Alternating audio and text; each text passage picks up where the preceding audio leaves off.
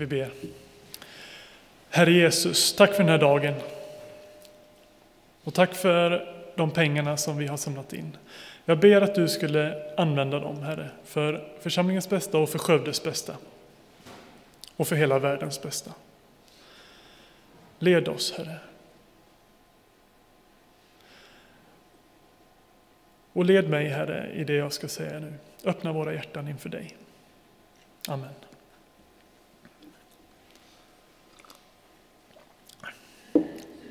Så fint att jag har fått vara här en vecka. Tack för att ni har lånat ut era pastorer till mig lite grann. Ehm, jag vet att ni häromveckan hade besök av en diakonkandidat som presenterade utbildningarna som vi har i kyrkan. Så jag kommer inte berätta mer om dem. Det räcker så. Om ni har några frågor så får ni gärna komma och fråga mig sen.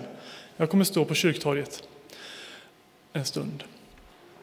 Ehm, och, då, och jag vet att, eller jag tror att hon sålde årsringar också. Det är tidningen som vi gör. Jag har med mig några sådana om det är någon som missat att köpa.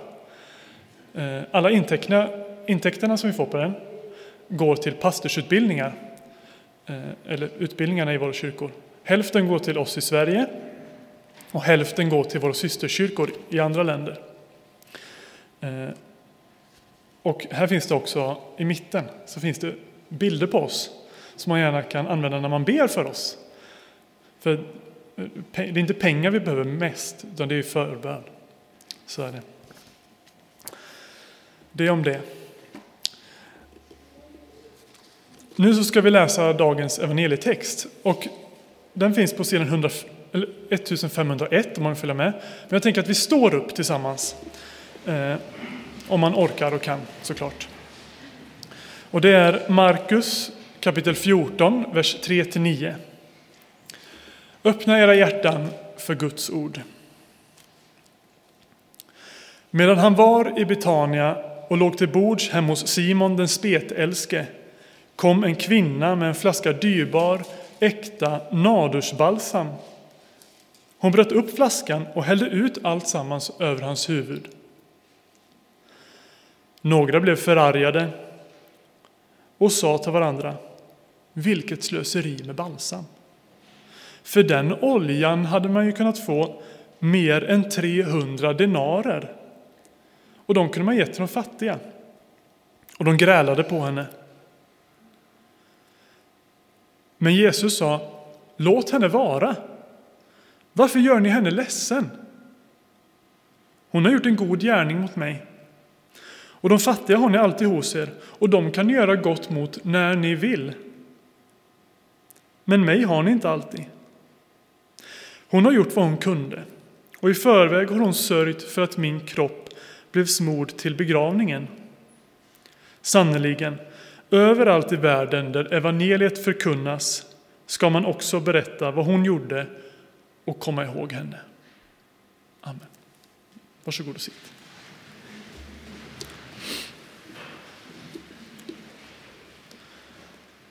Den kämpande tron. Trons kamp. Kamp hör till livet. Och för såväl kristna och för andra så är livet ibland en kamp, eller ofta kanske till och med. Livet är inte alltid lätt. Och tron i sig kan också innebära en kamp. Och utan den kampen så tror inte jag att jag är inte säker på att vi skulle växa, varken som människor eller som kristna. Och kanske inte heller lära känna Gud bättre. Man kan lägga mycket olika saker i de här orden, den kämpande tron, trons kamp. Dels kan det handla om när tron på Jesus fungerar som en drivkraft i kampen mot orättvisor, ojämlikhet och förtryck. Men trons kamp kan också handla om tvivel och grubblerier. Det kan handla om frågor som handlar om hur Gud kan tillåta våld, hur han kan tillåta orättvisor som fattigdom och sexism, rasism.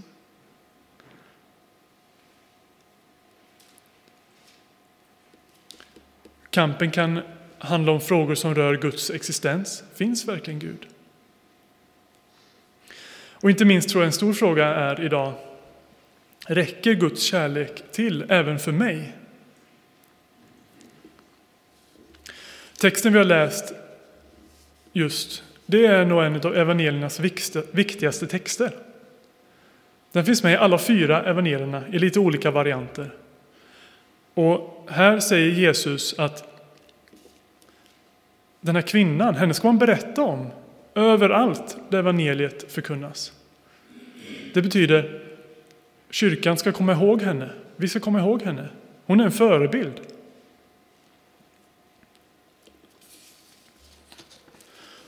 Och visst är det fantastiskt att trots att den här texten är nästan 2000 år gammal och att händelsen hände för nästan 2000 år sedan så kan vi ändå, i alla fall tror jag det, att vi kan leva oss in i den och relatera till de här olika personerna som finns där. Simon den spetälske har fixat en fest. Det är snart påsk och många av hans vänner är där.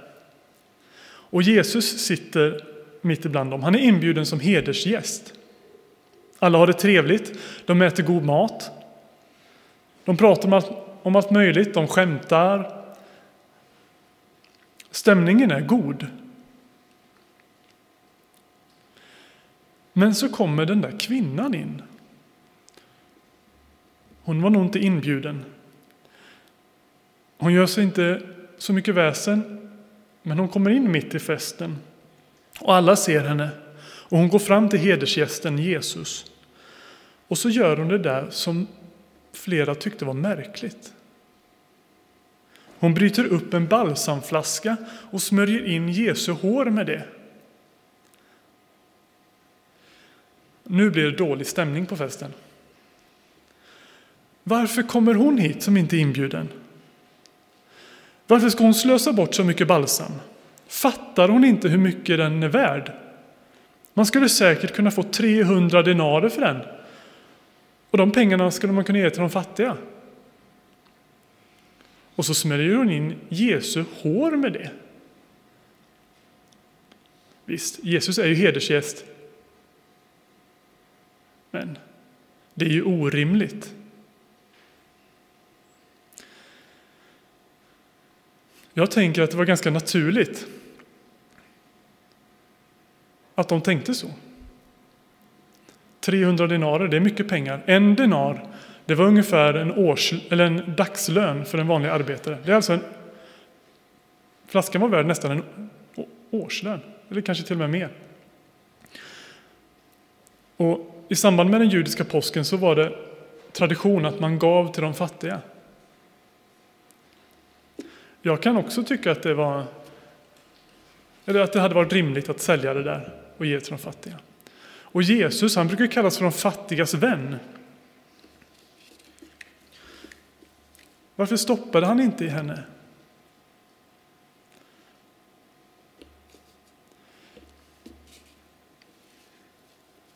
Tyckte inte han också att det var orimligt att så mycket pengar bara hälldes ut? Varför stoppade Jesus henne inte? Han skulle kunna ha sagt till henne att om du vill följa mig så sälj allt vad du äger och ge till de fattiga. Så säger han ju till många andra. Särskilt i Lukasevangeliet så ser vi att Jesus ställer höga krav på dem med mycket pengar. Men Jesus såg någonting annat i hennes handling än vad de andra såg. Kvinnan gjorde någonting kärleksfullt. Och vi vet inte varför hon gjorde som hon gjorde. Vi vet inte vad hon kämpade med. Det hon gjorde kan ha varit en bönehandling. Orden kanske inte räckte till för henne. Hon kanske inte hade något annat hon kanske inte kände till något annat sätt att uttrycka sin bön, sin längtan efter Gud och efter gemenskap. Hon kanske kände att hon bara måste få göra något för Jesus. Och därför tömde hon hela den dyra oljeflaskan på Jesu huvud. Och Jesus bekräftade henne. Och han verkar ha hört hennes bön. Och istället för att ifrågasätta kvinnan så sa han ifrån. Låt henne vara. Hon har gjort en god gärning mot mig.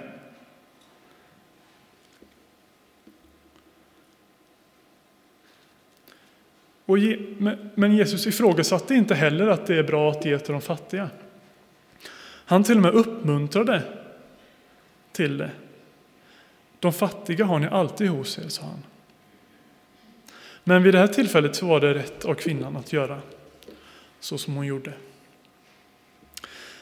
Det kvinnan gjorde var nog större än vad hon själv förstod. Jesus visste att han snart skulle bli avrättad som om han vore en kriminell och därför inte hade rätt till en värdig begravning. Men kvinnan, hon smörjde honom och gav på så sätt Jesus en värdig begravning.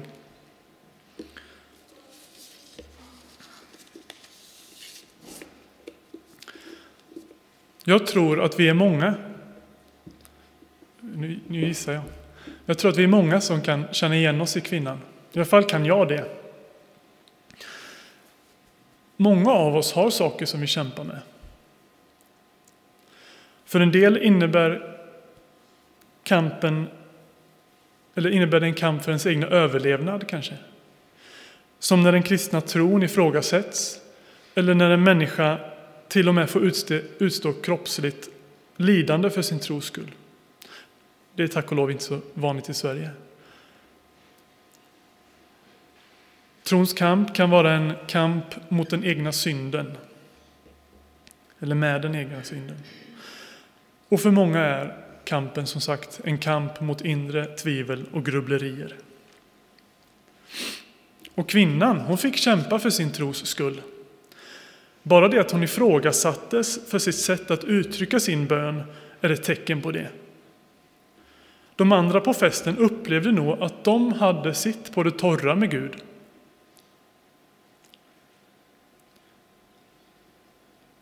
De andra behövde inte kämpa för sin tros skull. Och de tyckte nog, eller av någon anledning så tog de sig rätten att ifrågasätta henne. Att ifrågasätta kvinnans val. De verkar inte ha någon förståelse för, för kvinnan och hennes sätt att uttrycka, uttrycka sin tro och sin vördnad för Jesus. Kvinnan kanske inte visste hur hon annars skulle göra.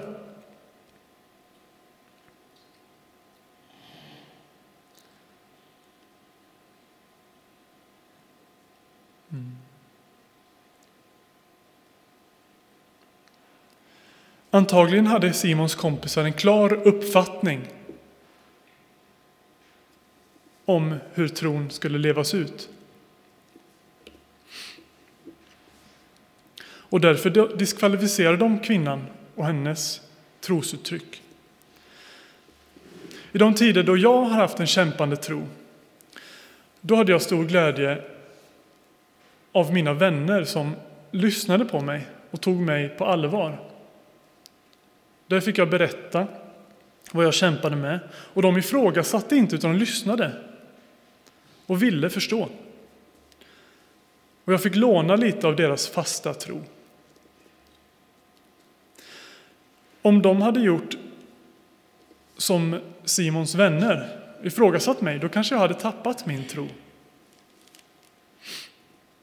I andra tider så kanske det är de som kämpar och då får jag vara ett stöd för dem i min fasta tro. Tvivel måste inte vara farligt. Att tvivla är inte detsamma som att tappa sin tro. Även om det kan kännas så.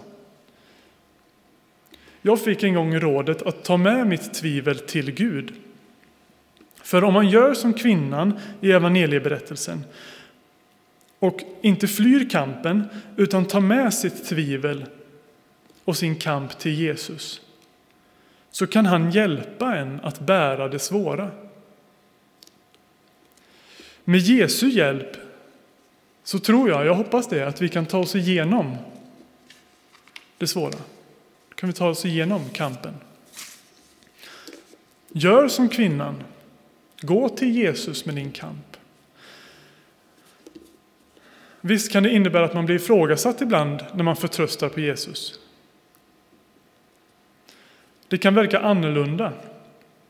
Alla förväntas orka klara sig själva. Men jag tror inte det är möjligt. Vi behöver varandra och vi behöver Jesus. Hos Jesus finns en öppen famn. Och för honom är mörkret inte mörkt. Hans kärlek räcker till även för dig. Han ser din kamp och vill omsluta dig i sin barmhärtiga kärlek. Låt oss be. Tack, käre Jesus, för att du genom din heliga Ande är här. Tack för att du alltid är nära oss och vill oss väl. Hjälp oss att inte ducka för det svåra, utan ge oss kraft. Nu ber jag dig att du ska förbarma dig över oss och att vi alla fick uppleva din förlösande nåd. Amen.